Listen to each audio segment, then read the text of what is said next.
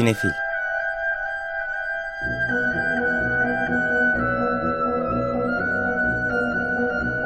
Hazırlayan ve sunanlar Melis Behlil ve Yeşim Burul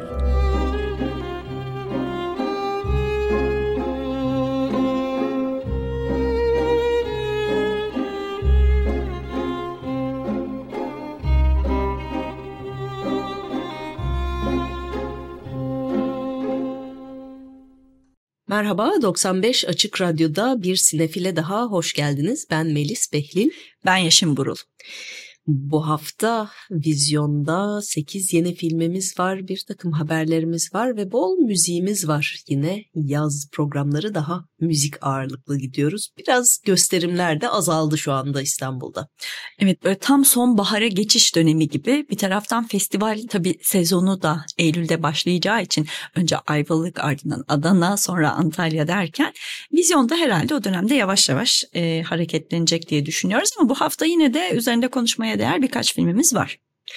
Evet, e, bunlardan biri Ukrayna'dan geliyor. Geçtiğimiz Cannes Film Festivali'nin belli bir bakış bölümünde gösterilmiş olan Butterfly Vision, Kelebek Görüşü, Maxim Nakotnechny'nin filminde Rita Burkovska, Natalia Vorojbit ve Lyubimor Valivot başrollerde. Evet, e, Cannes Film Festivali'nin belirli bir bakış bölümünde dünya premierini yapmıştı. Kelebek Görüşü. E, bir taraftan savaş devam ederken savaşla ilgili filmler izlemek e, şey e, yapıyor insanı bence. Film mi gerçeği yani sinema mı gerçeği yansıtıyor? Yani hangisi hangisi e, bu savaş daha ne kadar sürecek e, gibi soruları getiriyor insana. Ee, evet gerçi biz savaşı hani yenice bir şey olarak konuşuyoruz ama aslında 2014'ten beri de belli bölgelerde Donbas'ta e, bu savaş sürüyor.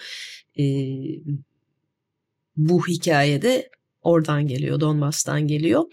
Ee, Ukraynalı bir e, hava keşif uzmanı Lilia Donbas'ta e, savaş esiri olarak alınıyor ve iki ay tutuluyor. En sonunda serbest kalıp ailesinin yanına döndüğünde de hamile olduğunu fark ediyor.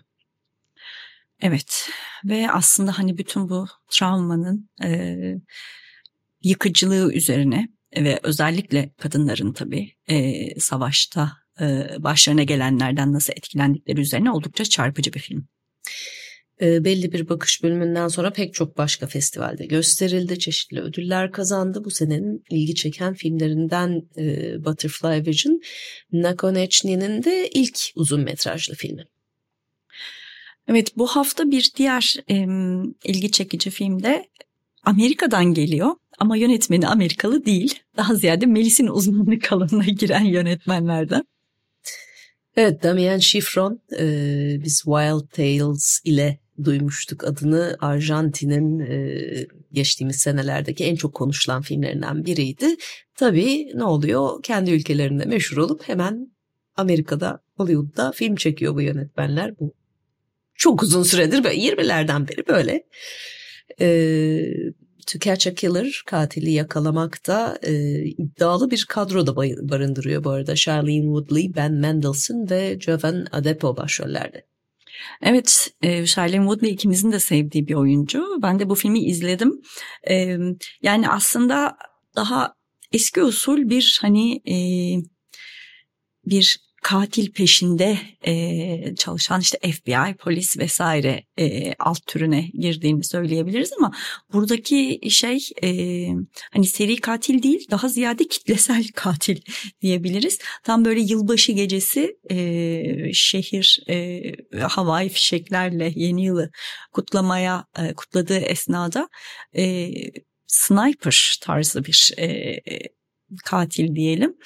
E, müthiş bir atış e, şeyi var, kabiliyeti var. Bulunduğu noktadan 20 küsur insanı falan öldürüyor ve farklı farklı e, yerlerde farklı farklı işte hani yaş, cinsiyet e, vesaire hani gözetmeden hani böyle attığını vuruyor ama çok uzaktan da bunu yapabiliyor. Hakikaten nerede yetiştiği e, bile hani sorgulanır ama çok büyük bir şey buluyorlar ellerine tabii katastrof buluyorlar e, yılbaşı gecesi. Charlene Woodin'in canlandırdığı Eleanor e, Amerika'dan beat cop denilen hakikaten sokakta devreye gezen şeylerden polis memurlarından biri.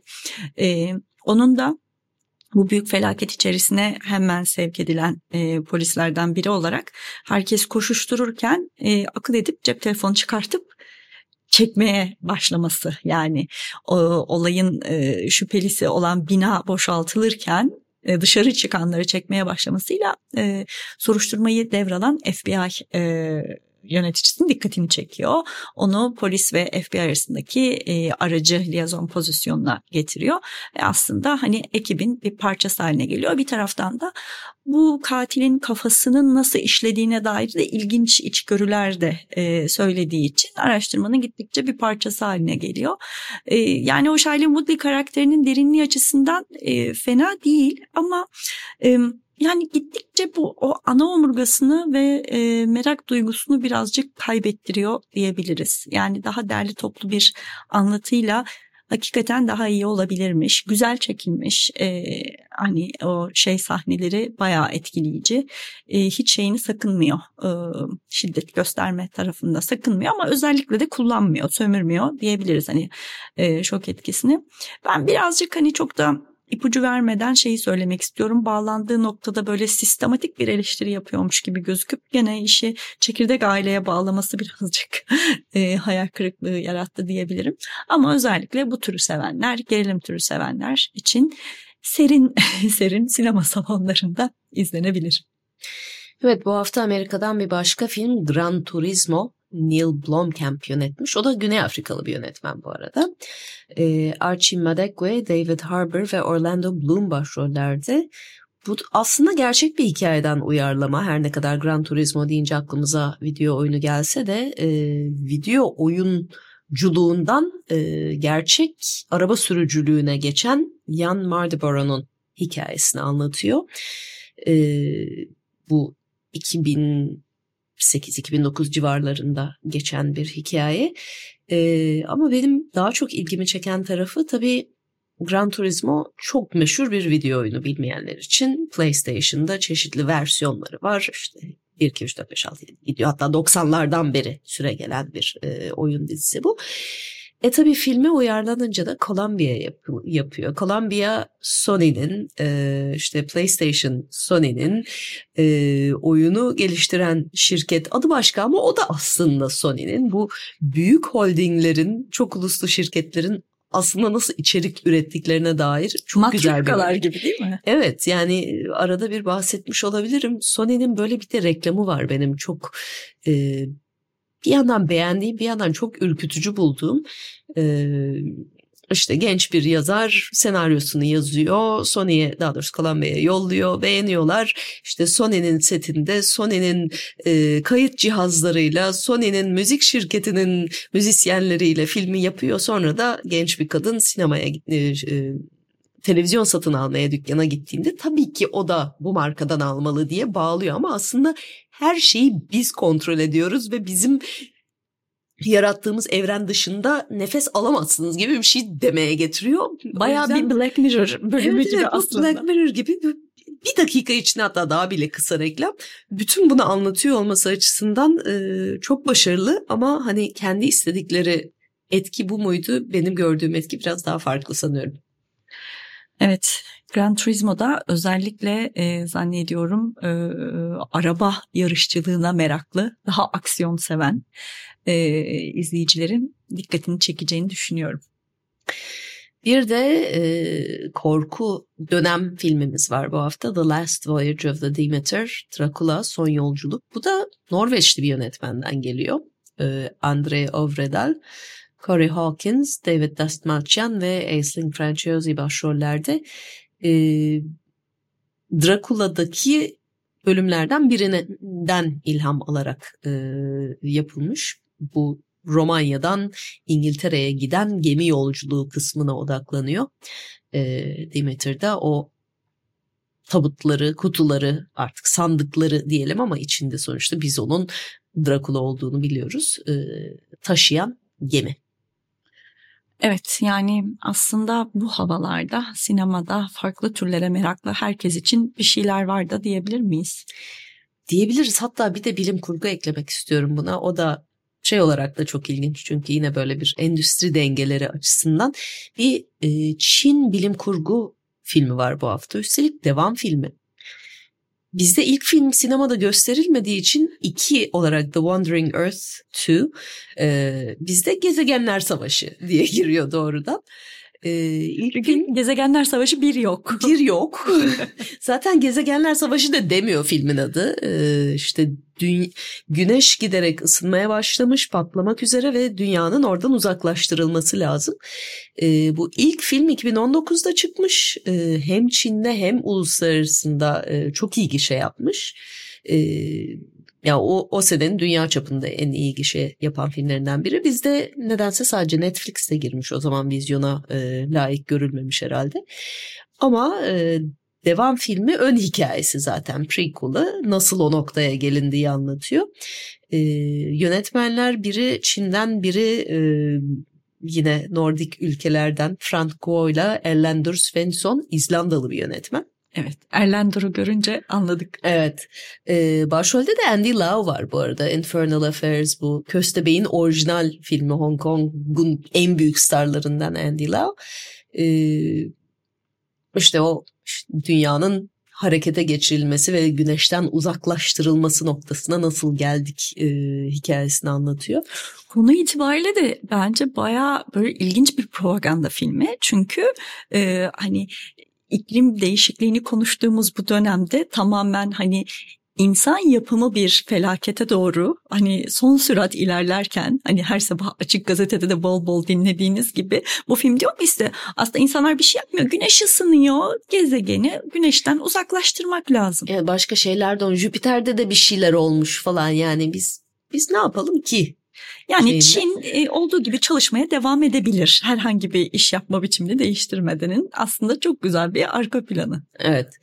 Ee, ama hani bu tip filmleri hep böyle Amerika bazlı İngilizce dinliyoruz. Çin'den bunun e, yapılmışını görmek e, ilginç geliyor bana ve de bu kadar da başarı sağlamış olması. Zaten hani Çin seyircisini e, tavladığı zaman milyonlar ve milyonlar ediyor o zaten ama uluslararası olarak da çok ilgi görmüş olması, devamının yapılmış olması e, ilginç. E, henüz izleme fırsatımız olmadı ama ben listeme aldım. Sırf endüstriyel meraktan bile olsa.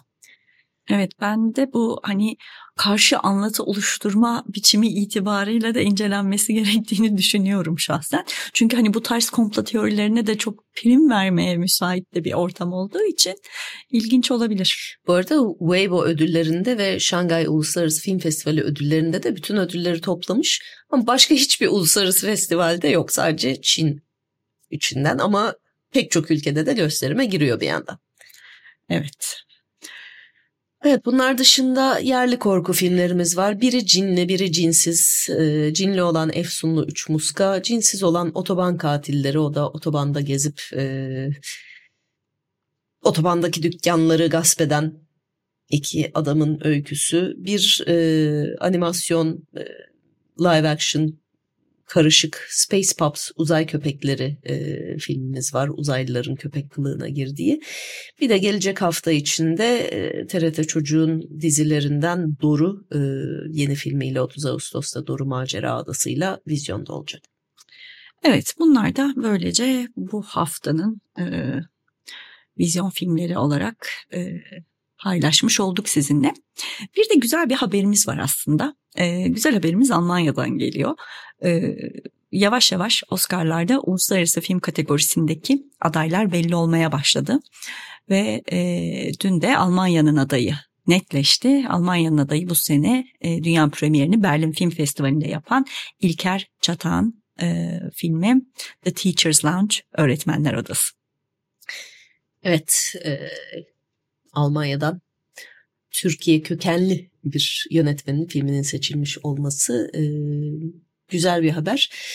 E, bir tane de çok güzel olmayan haberimiz var. E, o da İran'dan geliyor. İran'da zaten sinemanın uğradığı sansür e, zaman zaman değindiğimiz bir konu sinemacıların hapse atılıyor olması e, sık sık maalesef değindiğimiz bir konu özellikle Cafer Panayi ve Muhammed Rasulov özelinde. En son e, başka bir yönetmen Said Rustai ve ortağı e, yapımcısı Cevat Noruzbegi 6 ay hapse mahkum edildiler. Ee, üstüne 5 yıllık film yapma yasağı da getirildi. Kanda gösterilen Leyla'nın Kardeşleri filmiyle alakalı olarak e, ki bu arada Leyla'nın Kardeşleri Mubi, Mubi'de mevcut. E, izleyebilirsiniz. İzleyebilirsiniz. Evet. Çok da iyi eleştiriler alıyor. E, Mubi'de reytingi de 10 üzerinden 9,5. Zaten geçtiğimiz sene çok konuşulan filmlerden biriydi. Bizde vizyona girmeden doğrudan Mubi'ye geldi. Ee, ama hani işte ülkeyi temsili ve bunun uluslararası yayılımını e, nedense şimdi fark etmiş gibi görünüyor e, İran yetkilileri. Bunun üzerine de Coppola ve Scorsese'nin de aralarında bulunduğu bir takım e, sinemacılar bir imza kampanyası başlattılar. E, Rüstai'nin e, hapisten çıkarılması için, serbest bırakılması için. Evet yani e, çekilen filmler, çekilmeyen filmler ve tahayyül edilen filmlerden dolayı bile e, sinemacıların e, kendilerini cezaevinde buldukları bir dönemden geçiyoruz e, diyebiliriz. E, İran'da, Türkiye'de pek çok yerde olup bitiyor bu. E, Rustai de bu furyaya katılanlardan biri olmuş bu maalesef. E, Scorsese'nin ve Coppola'nın dikkat çekmesi önemli oldu tabii. Çok ciddi takipçileri var. Coppola göreceli olarak yeni girdi aslında Instagram'a. Onu da söylemiş olalım dinleyicilerimize. Takip etmek isteyebilirsiniz. Geçmişten de güzel içerikler paylaşıyor bir taraftan. Ama İran'da zaten genel olarak şu anda bir, e, sertleşme politikası e, sürdürdüklerini söylemek e, zannediyorum yanıltıcı olmaz değil mi? Evet e, bir de tabii son geçtiğimiz aylarda yaşanan protestolarla daha da e, katılaştı reaksiyonlar. E, nereye gideceğini göreceğiz önümüzdeki aylarda.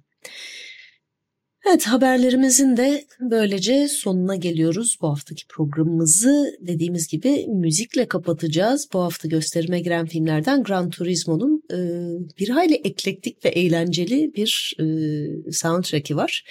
Oradan parçalarla veda edeceğiz size. Evet, e, Filmin başrol oyuncuları David Harbour, Orlando Bloom ve Archie Madekwe'den bahsetmiştik filmi tanıtırken. David Harbour da geçenlerde verdiği bir e, söyleşide e, tam en çok çalışacağım zamanda birdenbire grev başlayınca diyor hani en son Gran Turismo'yu çıkarmış olduk ve e, halbuki şu anda grev başlamasaydı Stranger Things'in 5. sezonu. E, yapıyor olacaklardı zannediyorum. Onu sevenleri de bir süre daha beklemek zorunda kalacaklar. Ama e, dizinin en sevilen oyuncularından biri olarak Harbour'u görmek isteyenler Gran Turismo'yu izlemeye gidebilirler. Şimdi Gran Turismo'nun soundtrackinden seçtiğimiz parçalarla veda ediyoruz size. Bu haftaki destekçilerimize ve teknik masadaki arkadaşlarımıza çok teşekkürler. Herkese iyi hafta sonları. İyi seyirler.